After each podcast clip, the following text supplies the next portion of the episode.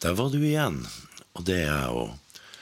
Og i dag så skal det bli en veldig spesiell episode, fordi at jeg bruker jo å fortelle historien basert på kilder og bøker og altså i det hele tatt basert på, på ting man har lest eller sett i dokumentarer, eller i det hele tatt altså basert på forskjellige kilder som fins. Men i dag skal jeg fortelle historier fra andre verdenskrig i Finnmark.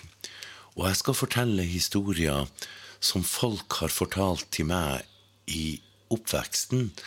Rett og slett historier knytta til min egen familie, min egen slekt, og hva de opplevde. Og det er ganske hårete ting, for å si det mildt.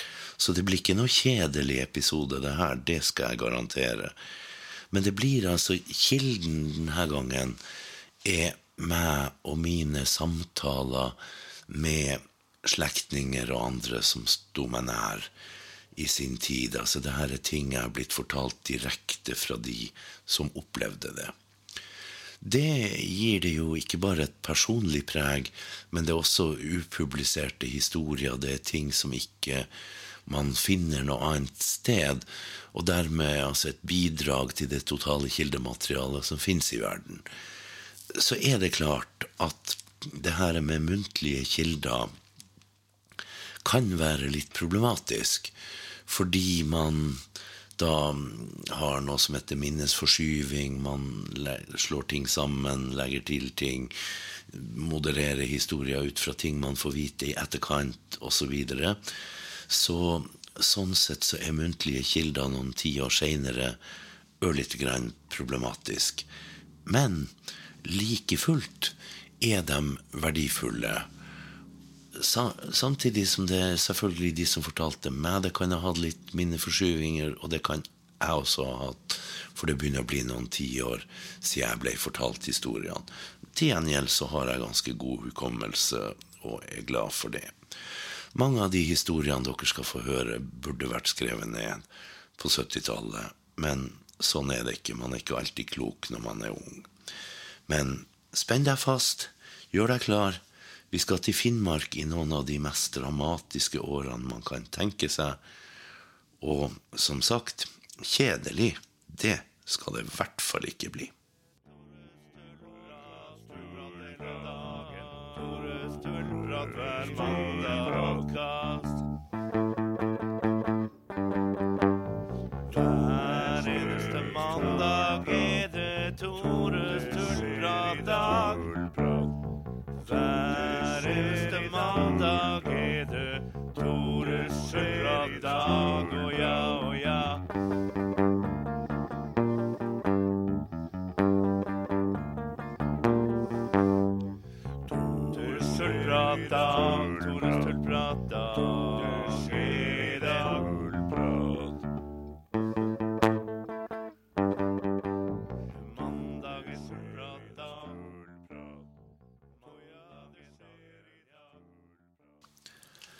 Krigen i Finnmark, ja. Det er litt av et kapittel i historien.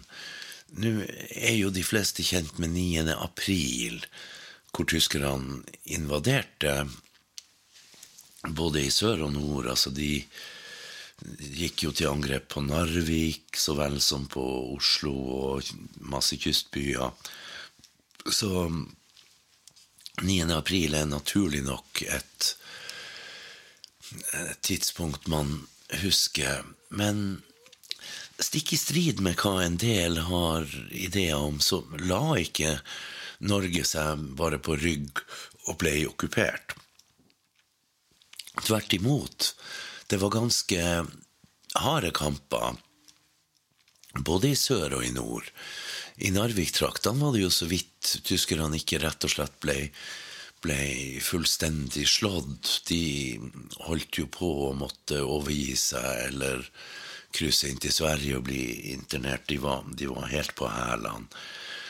Det var norske styrker slåss imot ganske så hardt, sjøl om det var offiserer som var NS-sympatisører og sånn, og kanskje ikke gjorde det, det beste de kunne gjøre for forsvaret av landet, så var det faktisk mye og hard slåssing.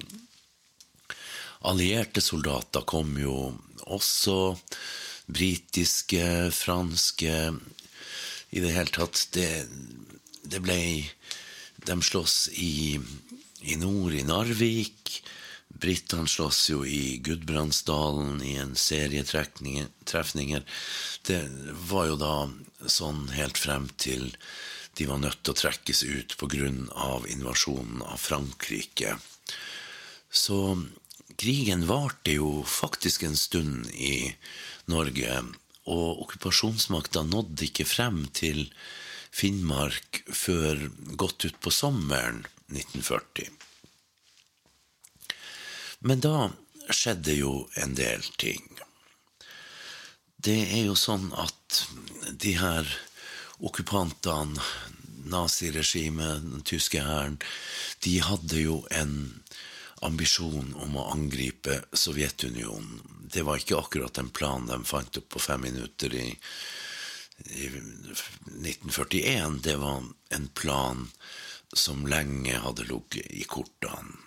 Og de trengte jo Øst-Finnmark, spesielt ja, Finnmark i det hele tatt, til flere ting.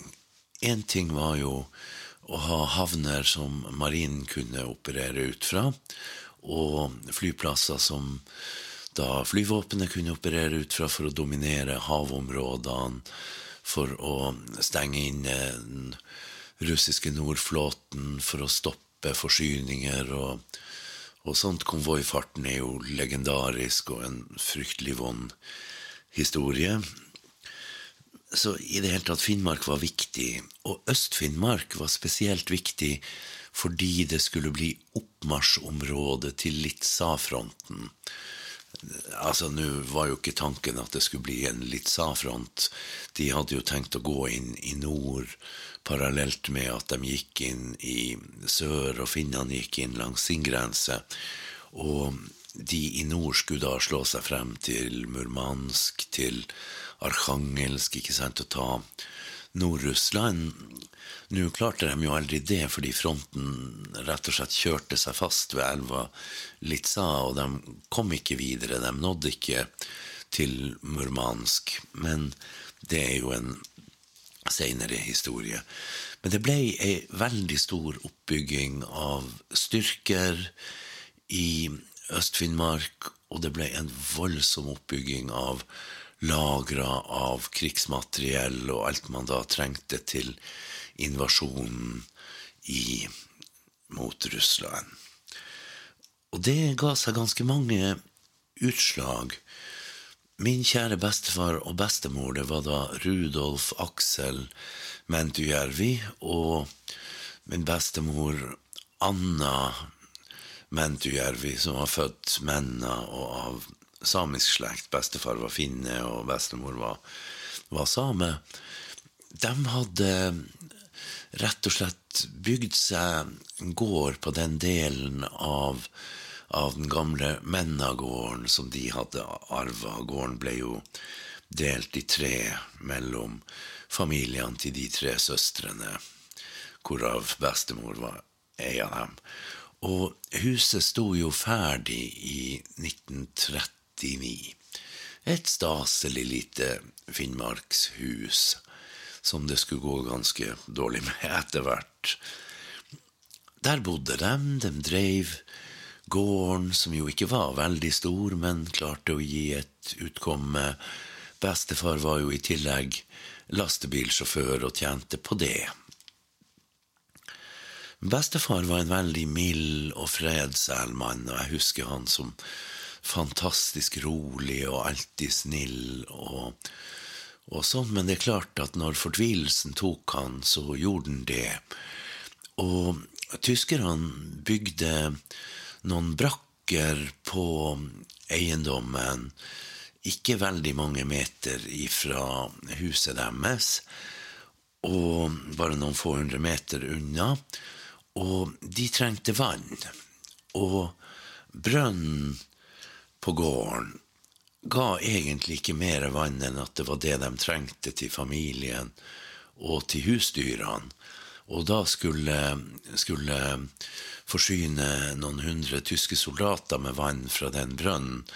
Det så jo bestefar på som fullstendig umulig. Så en av de tingene som var veldig dramatisk og nok kan høres komisk ut nå, men, men, var veldig farlig, selvfølgelig, en veldig farlig situasjon, det var jo at bestefar midt på sommeren rett og slett vinterstengte brønn med plank og torv og alt mulig sånn som han ville gjort til vanlig på vinteren, satt opp på brønnen med øksa i nevene når tyskerne kom for å hente vann. Der satt han, dønn fortvila, og ante selvfølgelig ikke hva som kom til å bli konsekvensen av det her, om han kom til å leve eller dø, men han ville forsvare det utkommet familien hadde, og sørge for at de hadde vann. Nå gikk det ikke så galt som han kunne frykte, han ble jo ikke skutt eller noe. Men de løfta han av brønnen med makt, åpna den igjen og tok vann. Og sånn var det. En modig handling. Om den var klok, det skal man jo Ja, det kan jo enhver spørre seg, men det var i hvert fall en handling fra en desperat mann som så for seg at husdyrene og familien skulle lide. Så sånn var det. Det var ingen enkel opplevelse å få tyskerne på besøk. Det skulle bli ganske mye verre. Fordi Øst-Finnmark, Kirkenes-området, og da inklusiv Bjørnevatn, Sandnes, de her områdene hvor, hvor oppmarsjområdet til Litzafronten og de her svære lagrene tyskerne hadde bygd lå, ble jo bomba. Når invasjonen av Sovjetunionen var et faktum, så var det jo sånn at som sagt, fronten kjørte seg fast ved elva Litsa. Der var det helt forferdelige kamper. Og Sovjetunionen begynte selvfølgelig å bombe for å få ødelagt lagre og installasjoner i Øst-Finnmark så ikke tyskerne skulle kunne bruke dem mot dem. Resultatet er faktisk, og det her er noe nordmenn generelt ikke vet, at Øst-Finnmark, Kirkenes-området, ble bomba mer under andre verdenskrig enn nesten noe annet sted på planeten Jorda under krigen. Ett eneste sted i verden hadde flere bombeangrep, og det var La Valletta i Malta. Kirkenes er nummer to på den lista.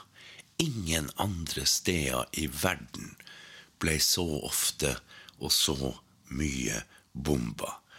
Nå snakker jeg antall bombeangrep. Det er klart at antall tonn bomber på en gang, og sånn, der er det andre som holder rekorden i høyeste grad. Men lille Øst-Finnmark var altså bombemål nummer to i hele verden under krigen. Det er ganske spesielt. Og det her satte i høyeste grad sitt preg på befolkninga der. Onkel Sverre han var egentlig ikke onkelen min, men han og tante Svanhild. De passa meg og, og broren min da vi vokste opp. Han var da, i tillegg til også å være lastebilsjåfør, så var han sånn brannvakt under bombinga. Han måtte ut med stålhjelm på seg og følge med på hva som skjedde. Han skal vi absolutt høre mer om, for han hadde litt av noen historier å fortelle. Men bestefar, som sagt, han gjorde seg upopulær hos tyskerne ved å sette seg på brønnen og sperre den. Og han ble jo upopulær hos dem. Han var faktisk en periode i fangenskap. Det skal vi høre om når vi nærmer oss krigsslutt. Når kampene på Litsa-fronten vel var kommet i gang, så var det helt forferdelige forhold. Og da særlig på vinteren. Det var grusomme temperaturer, og vel så mange frøys i hjel eller mista lemmer på grunn av, som måtte amputeres pga. forfrysninger og sånne ting.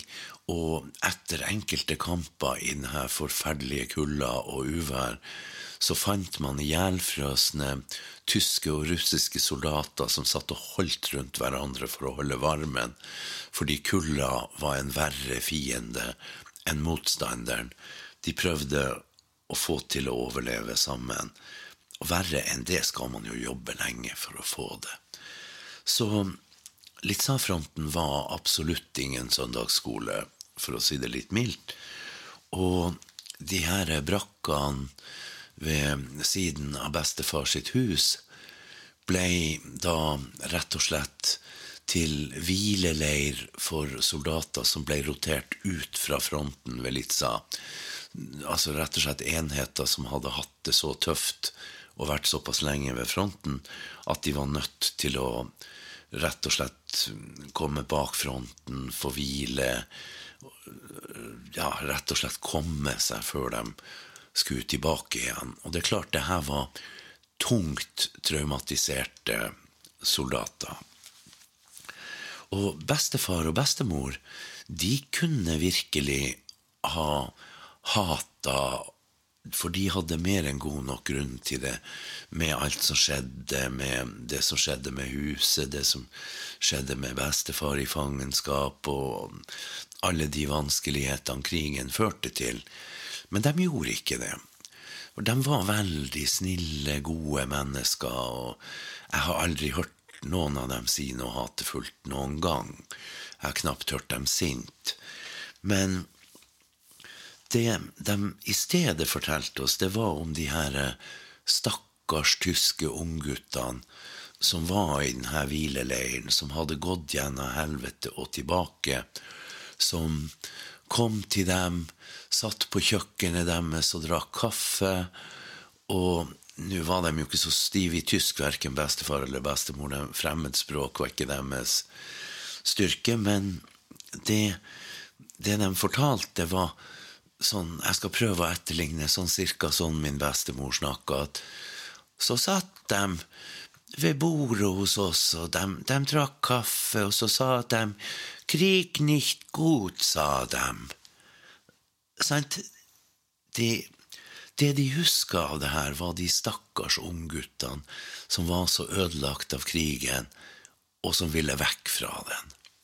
Men det er klart, noe valg har du ikke når du først er i hæren og kommet til fronten. Det er ikke så mange veier ut.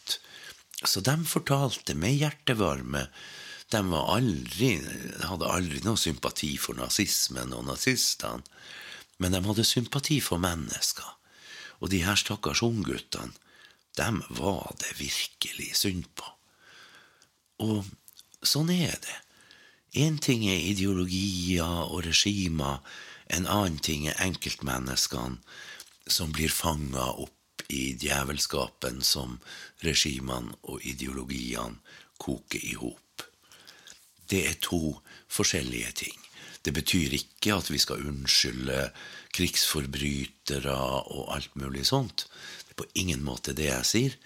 Men ja, vi skal ha empati med de stakkars menneskene som dras inn i djevelskapen som statslederne koker opp. Det skal vi virkelig.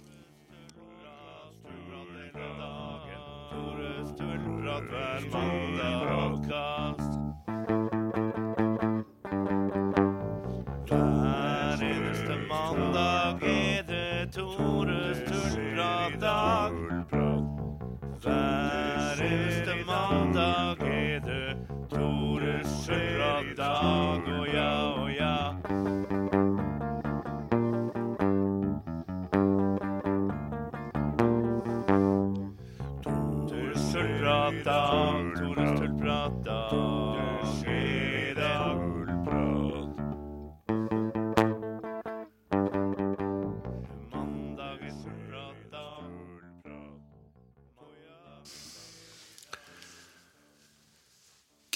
mot Russland, ja. Litsa-fronten og alt det der der. Det var selvfølgelig forferdelig, virkelig forferdelig, ved fronten. Men det var også andre ting som følger en sånn krig, nemlig krigsfanger. Og de russiske krigsfangene i fangenskap i Finnmark hadde det virkelig ikke godt. Det hadde de jo ikke noe sted i landet, for det var forferdelige forhold for dem overalt. Men det jeg har hørt om, spesielt i oppveksten, er jo krigsfangene hjemme i Sør-Varanger. Og de gjorde et enormt inntrykk på de her gode menneskene jeg kjente i oppveksten, som så hvordan de her stakkarene ble behandla. Og nå må dere holde dere fast, for det her er, er virkelig tøffe ting. Jeg har hørt fra folk som så fangeleiren på Elvenes i drift. Det var en fangeleir der som hadde brakker og om ikke gode forhold, så i hvert fall levelige forhold for de norske fangene, for lærerfangene som kom opp etter hvert og sånt. De hadde tak over hodet og vegger rundt seg. Det hadde ikke russerfangene. Det var rett og slett sånn at russeleiren besto av ei stor innhegning av piggtråd. Det var ingen bygninger innafor piggtråden bortsett fra en galge. Og det er jo ikke det triveligste naboskapet man kan ha. Den ble brukt til å henrette fanger. Utover det så var det bare rett og slett barmark. Og som best de kunne, gravde fangene seg små hull i bakken de kunne få litt ly i. Og vi skal huske at det her er i Øst-Finnmark, det er ved Barentshavet. Det er arktisk klima, og vintrene er lang og steinet hard. Og hvor mange som får frøys seg og frøys i hjel, det aner jeg ikke, men det kan ikke ha vært få. I det hele tatt, de ble forferdelig behandla. De så ut som levende lik, som skjeletter som gikk etter hvert for de ble satt til veldig hardt arbeid, samtidig som de fikk altfor dårlig og altfor lite mat. De bygde veier opp etter Jarfjord og innover mot Russland for å støtte krigsinnsatsen, og de ble satt til alt mulig annet arbeid. Min bestefar, Rudolf, han var jo et veldig, veldig godt menneske. Og han så de her stakkars folkene som da jobba for å lage en bedre vei frem til brakkene, så den veien gikk rett forbi huset hans. Og det han gjorde, var faktisk farlig, fordi man fikk ikke lov å gi fangene noe, eller i det hele tatt kontakte dem. Og det var farlig for fangene, de kunne bli drept bare for å ta imot en matbit. Men det bestefar gjorde, var når de jobba på veien der ved huset, så åpna han kjellerlemmen. Og det var jo ikke mye mat de hadde heller i de tider, det var tunge tider. Men han satte Han åpna ei tønne med sild, og han satte litt brød nede ved den tønna. Og så klarte han å få gitt et signal til en av russerne, sånn at en og en av dem sneik seg ned i kjelleren og spiste seg så mett som de klarte på brød og sild. Så han delte det han hadde, for han syntes så synd på de her stakkars menneskene som ble så mishandla. Og der har du én ting til med det her med bestefar og bestemor som husker de stakkars ungguttene og sånt. Det er jo det at at bestefar Rudolf han var helt sikker på at noen av de tyske vaktene som passa på de her fangene så hva som skjedde, at de observerte det, men så en annen vei og ikke sa ifra. Hadde de sagt ifra, kunne både fangene og bestefar vært skutt. Men de gjorde det ikke. Og det beviste jo for han at det finnes gode mennesker, sjøl i fæle systemer. Så det er jo i en grufull tid, så er jo det en hjertevarm historie. Og når det gjelder sulten til de her stakkars fangene, så fortalte tante Svanhild en rystende historie, og den var med henne hele livet. Den fortalte hun mange ganger med skrekk i røsten. Og det var da russefangene ble marsjert til Bjørnevatn for å pusse opp et forlatt hus der tyske offiserer skulle bo. Og de reiv tapeten. I de dager brukte man jo ikke lim, sånn som vi kjøper på byggvareforretninger. De, de kokte melklister. Og her var jo titalls år gammelt melklister bak på tapetene, og fangene de skrapa rett og slett det her gamle melklisteret av tapeten og spiste for å få noen få ekstra kalorier. Og det sier noe om hvor sulten og desperat de var. For det gjør man ikke hvis man har treretters på bordet, for å si det litt mildt. Så behandlinga av russefangene er fryktelig. Eller var fryktelig. Og en av de verste historiene jeg vet om, er en som onkel Sverre vanligvis ikke fortalte, men en gang han var i humøret, så gjorde han det. Jeg skal fortelle litt forhistorie for det, for han hadde en gammel Mauser i skapet. Den har jeg i dag i våpenskapet mitt. Den er helt nummerlik, sånn som samlere vil ha den, men stokken er skåret om til jaktstokk, altså en mye lettere trestokk til geværet. Og ettersom stokken også er nummerlik og alt, så er det ja, nok til å få samlere til å gråte blod. For det er en veldig sjelden produsent på det her geværet. Men, men uansett. Det hadde nemlig en grunn. For når jeg var en åtte-ni år, så tok han frem den mauseren for å skjære om stokken. Og jeg spurte han om ja, men fungerer det ikke bra som det gjør. Er det ikke like greit å ha stokken som ned? For jeg var allerede opptatt av å ta vare på gamle ting. Og da fikk han et blikk som var så vondt. Det var Jeg kan nesten se det for meg enda.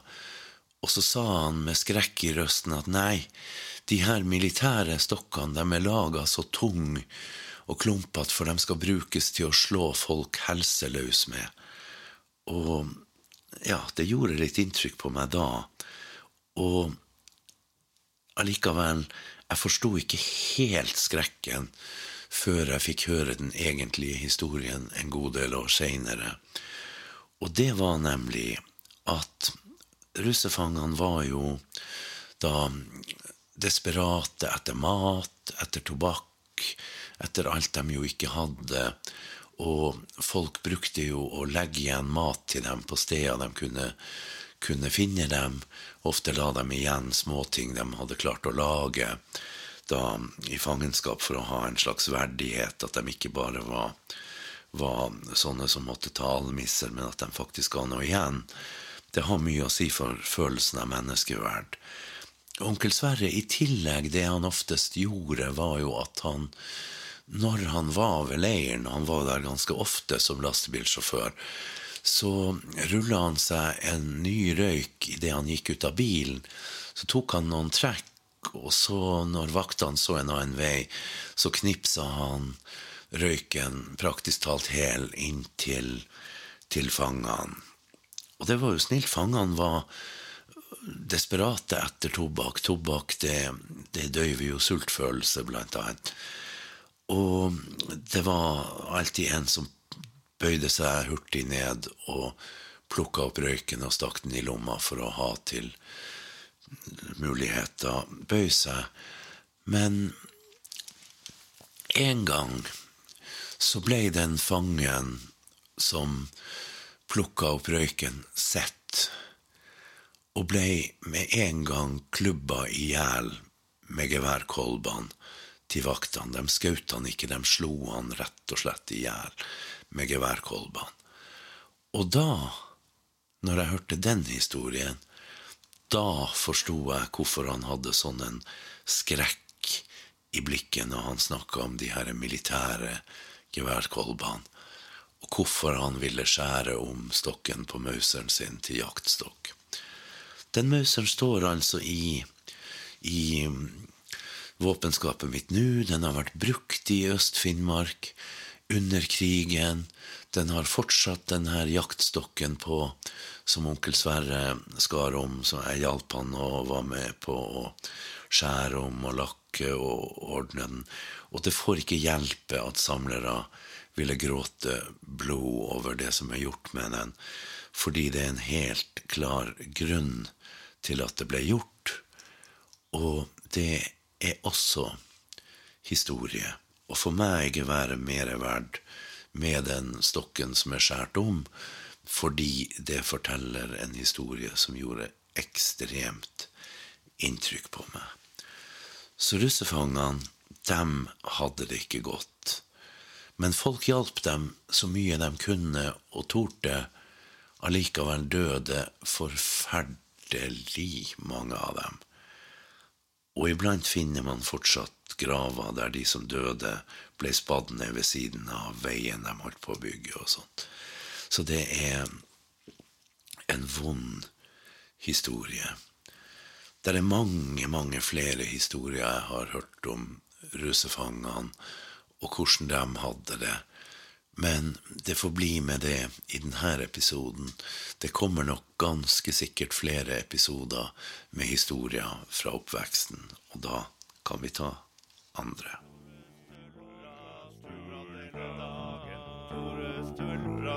mandag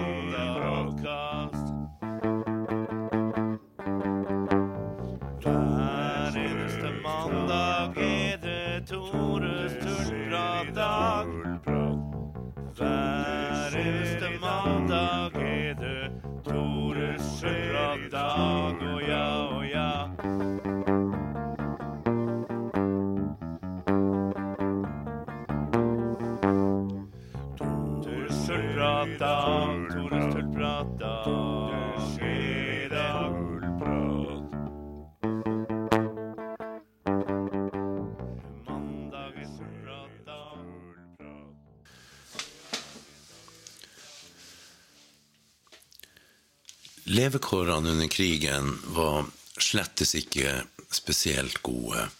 Og det var jo spesielt det her med tilgang på mat som var vanskelig. En litt morsom historie før vi skal inn på tøffe historier igjen, er jo onkel Sverre, som altså var lastebilsjåfør. Sverre Johansson. Sønn av storjonte Rallern. En fantastisk fyr. Han i og med at han var lastebilsjåfør fra Bjørnevatn, og dermed hadde mulighet til å bevege seg rundt mye mer enn de fleste, så hadde jo han da annet avtale med en masse folk i Bjørnevatn om at han tok med rasjoneringskortene deres, annet og henta brød til masse folk samtidig. Og han var jo kompis med han som sto for utdelinga av brød. Eller salg av brød, da, men på rasjoneringskort. Og dermed så ble det til at onkel Sverre som regel fikk et ekstra brød. Fordi han skulle jo hente masse brød, og denne karen telte jo opp på en sånn måte at tyskerne ikke reagerte på hvordan han telte, så han telte opp 17, 18, 19, 19, 20 Ikke sant, sånn at onkel Sverre fikk ett brød ekstra uten at noen skjønte det. Det er veldig greit å ha venner, særlig litt kreative venner, i sånne tider. Men frigjøringa, det er jo Altså, nå har det jo vært snakk om mye dramatikk. Tyskerne kom, innmarsjen i Sovjetunionen fra rett over grensen fra, fra Øst-Finnmark. Tyskere som bodde overalt, som alltid var langt mer enn ti ganger flere enn befolkninga. Det var bombing, bombing, bombing, bombing. Ikke sant? Men sjøl med hele det bakteppet så var frigjøringa det mest dramatiske. For krigslykka hadde snudd. Stalingrad var tapt. Tyskerne, finnene, ble drevet sterkt tilbake. Finland kapitulerte og vendte våpnene mot sine tidligere allierte tyskerne. Og i det hele tatt, det ble stadig klarere at den tyske hæren ikke kunne klare å holde tilbake den røde hær når de kom. Og de kom i høyeste grad.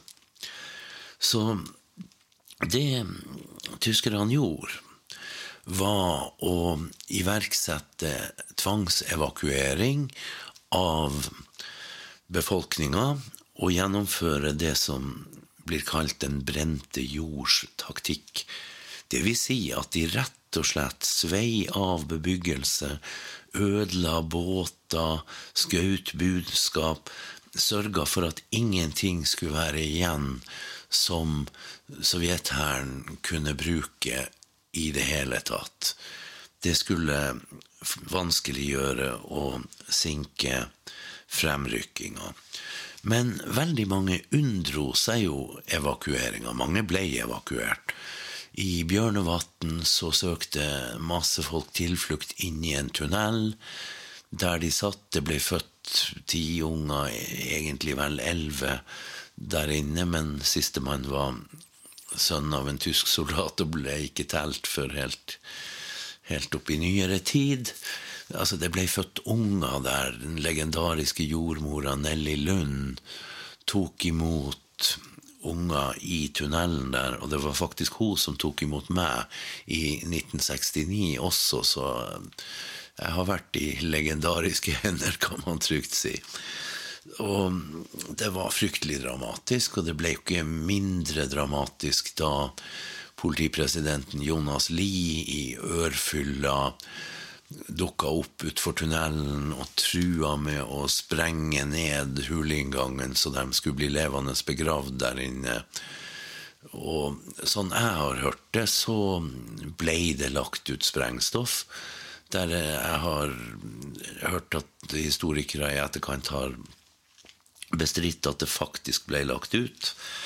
Det kan jeg ikke ta stilling til sjøl, men det er i hvert fall ingen spørsmål om at Jonas Lie trua med å begrave dem levende der inne i fjellet. Mange stakk også til fjells.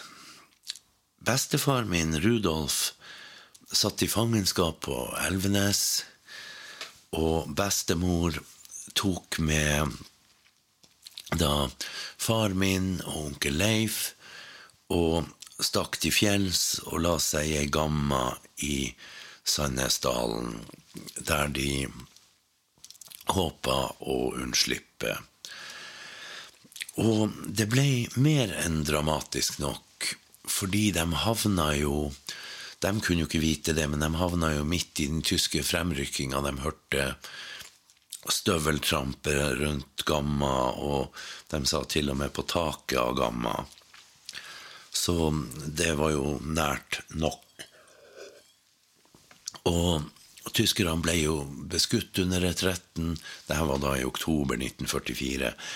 Og når de ble beskutt med artilleri, så smalt det jo også rundt Gamma, der mamma og onkel Leif og pappa Nei, mamma, sier jeg. Bestemor og onkel Leif og pappa lå, og de fikk splinter inn i Gamma, inn gjennom veggen i Gamma. Det traff melkespanna og snurra lenge rundt der i melka før det slo seg til ro. Så det var, det var mer enn dramatisk nok, og de kunne ha blitt drept hele gjengen, men de slapp nå det. Så ingen skal si det ikke var dramatisk nok. Nå er det nok en gang det her med minne og minnesforskyving. Det her er sånn jeg har hørt det her fra bestefar, og det er sånn jeg husker det. I sine siste år så fortalte pappa historien på en annen måte. Blant annet at bestefar Rudolf faktisk var med oppe i Gamma i Sandnesdalen. Men det er ikke sånn jeg har hørt det. Og demensen begynte jo å virke på pappa, så jeg så jeg står på den historien jeg har hørt direkte fra bestefar, sånn jeg husker den. For det var sånn at han kom tilbake fra, fra Elvenes da mens ting brant. På Sandnes så brant de ikke ned hele bygda, det hadde de bare ikke tid til. Men de svei ned husene til folk de kjente fra før, inklusiv bestefar, som jo var i fangenskap. En liten ekstra hevn, kan man vel kalle det. De brant jo ned Kirkenes, de brant jo ned Bjørnvatn. Men de rakk ikke så mye på, på Sandnes. Men bestefar kom gående. Han så jo røyken fra huset sitt. Han kom dit Huset var bare glomørja igjen. Altså, det var bare bare mm, grunnmuren og pipa og, og glør. Og han satte seg på en stein der og titta inn i glørne. Han visste jo ikke om familien lå i glørne, eller om de var trygge. Det var jo lenge før man kunne sende SMS-er til hverandre. Så han visste jo ingenting der og da. Og mens han sitter der og er forferdelig sliten i sjela Han fortalte det, han var så sliten, så sliten av alt. Så ser han altså Det er ganske flatt der, så du ser jo folk på, på lang avstand når de kommer ned langs hovedveien. Han ser det kommer riende soldater, og de rir langs hovedveien. De svinger ned til Sandnes. Og i krysset der veien går opp til gården til bestefar, der svinger de opp og rir mot han. Og han så jo dem i god tid. Han tenkte skal jeg springe og gjemme meg så ikke jeg blir tatt eller skutt, eller hva som kan skje? Men han var altså bare så sliten i sjelen og så oppgitt av alle de her påkjenningene de her årene, og særlig den siste tida, at han fant ut at nei, skal jeg dø i dag, så får jeg dø i dag. Det får bare være. Det betyr ingenting. Men soldatene som kom riende, var sovjetsoldater. Det var russerne. Og de ville jo ikke gjøre han noe vondt. Tvert imot så ga de han brød og stilte han et par spørsmål og for videre. Etter noen dager så ble han jo gjenforent med familien som kom ned fra fjellet, og i det hele tatt De var fri igjen. Nå skal det sies at friheten kom jo med en bismak, for det var så mye ødelagt. Folk hadde ikke hus, og norske myndigheter gjorde seg veldig upopulære, fordi sagbruket på Elvenes var jo bomba. Det lå enorme mengder tømmer og fløyt i fjæra, som man kunne bygd mange, mange hus med. For det her var jo i oktober, like før en arktisk vinter skulle sette inn. Men det gikk ut melding fra London om at det her var privat eiendom, det skulle ikke røres, man ble straffa hvis man brukte de materialene. Så folk bygde seg provisoriske skjul. Opp ned båter som de slo plank langs nedkantene av, og sånn, og bodde forferdelig kummerlig første vinteren etter frigjøringa. Det ble danna en styrke av frivillige soldater, altså rett og slett lokalbefolkning som meldte seg frivillig til å å vokte i, i denne kaotiske tida. Onkel Sverre Johansson var en av dem. Ble, den ble satt opp med, med, tyske uniformer og hjelmer med, med norske merker på, da, og med russiske våpen. Så, så onkel Sverre sto vakt bl.a. på Høybuktmoen flyplass i ei stilling da i, i, tysk uniform og hjelm og med en sovjetisk Pepesha maskinpistol som han da, da brukte. Siden skulle jo norske myndigheter sende sende soldater, det skal bli tema faktisk for en egen episode. For det er en både fascinerende og veldig trist historie. Fordi de norske soldatene kom veldig på kant med sivilbefolkninga. Det var delvis soldatene sin opptreden, men det var jo også veldig mye de forutsetningene soldatene kom med. De hadde jo ikke proviant og forsyninger med seg, måtte rekvirere det hos en lokalbefolkning som ingenting hadde. Og sånn, så det ble, ble veldig vanskelig.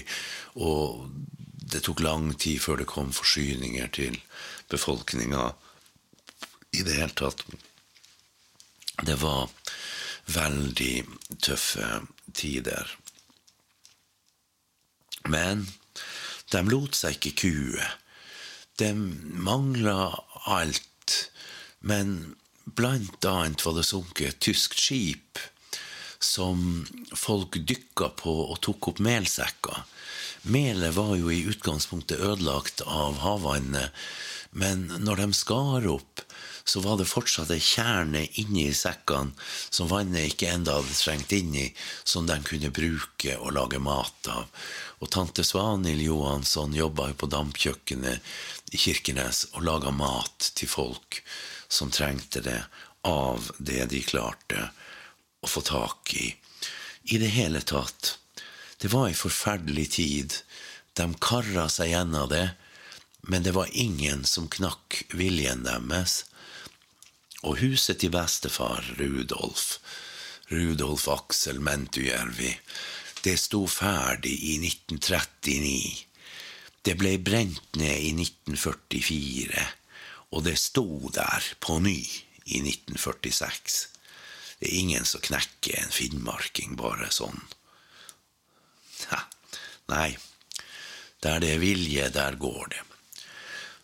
Så da har dere hørt litt av historiene fra et Øst-Finnmark som til tross for at man skulle tro det ligger langt unna begivenhetenes sentrum, langt der nord, var i, ja, i sentrum av storpolitikken og strategisk ekstremt viktig punkt, og dermed fikk en forferdelig spesiell historie. Det skal bli mer. Jeg skal fortelle mange flere historier om de her fantastiske menneskene jeg vokste opp med, og som fortalte sine mange historier til oss under oppveksten på 70- og 80-tallet. Det var sterke folk, flotte folk, og ikke minst ufattelig snille folk. Og jeg har en evig respekt for dem, og jeg husker dem med dyp kjærlighet og glede. Og det jeg gjør her nå med å lage en sånn her episode, er ikke bare at jeg har lyst til å fortelle de her historiene, men det er også for å få dem eh, bokstavelig talt skrevet inn i historien. Nå som det blir publisert, så blir det her kildemateriale. Det blir faktiske kilder. De blir foreviga gjennom at historiene deres blir fortalt og offentlig. Det er ikke bare noe vi som allerede i 50-årene som har vokst opp på 70- og 80-tallet, husker. Det er ikke noe som skal gå i grava med oss. Historiene gikk ikke i grava med dem, for de viderefortalte dem til oss. Og jeg føler det som min plikt å viderefortelle historiene så det ikke går i grava med meg. Og så det ikke forsvinner den dagen demensen tar meg, som den gjorde med pappa. Så det her er én av flere episoder der jeg skal fortelle historien fra min hjembygd og mine folk, og som sagt langt nord, langt bort fra Oslo, langt fra folkeskikken, men ikke av den grunn uviktige områder i verdenshistorien. Tvert derimot. Og med det så bare varsler jeg at her vil bli flere sånne episoder. Og sier tusen takk for oppmerksomheten og ønsker deg velkommen til neste episode, som kommer om ei uke.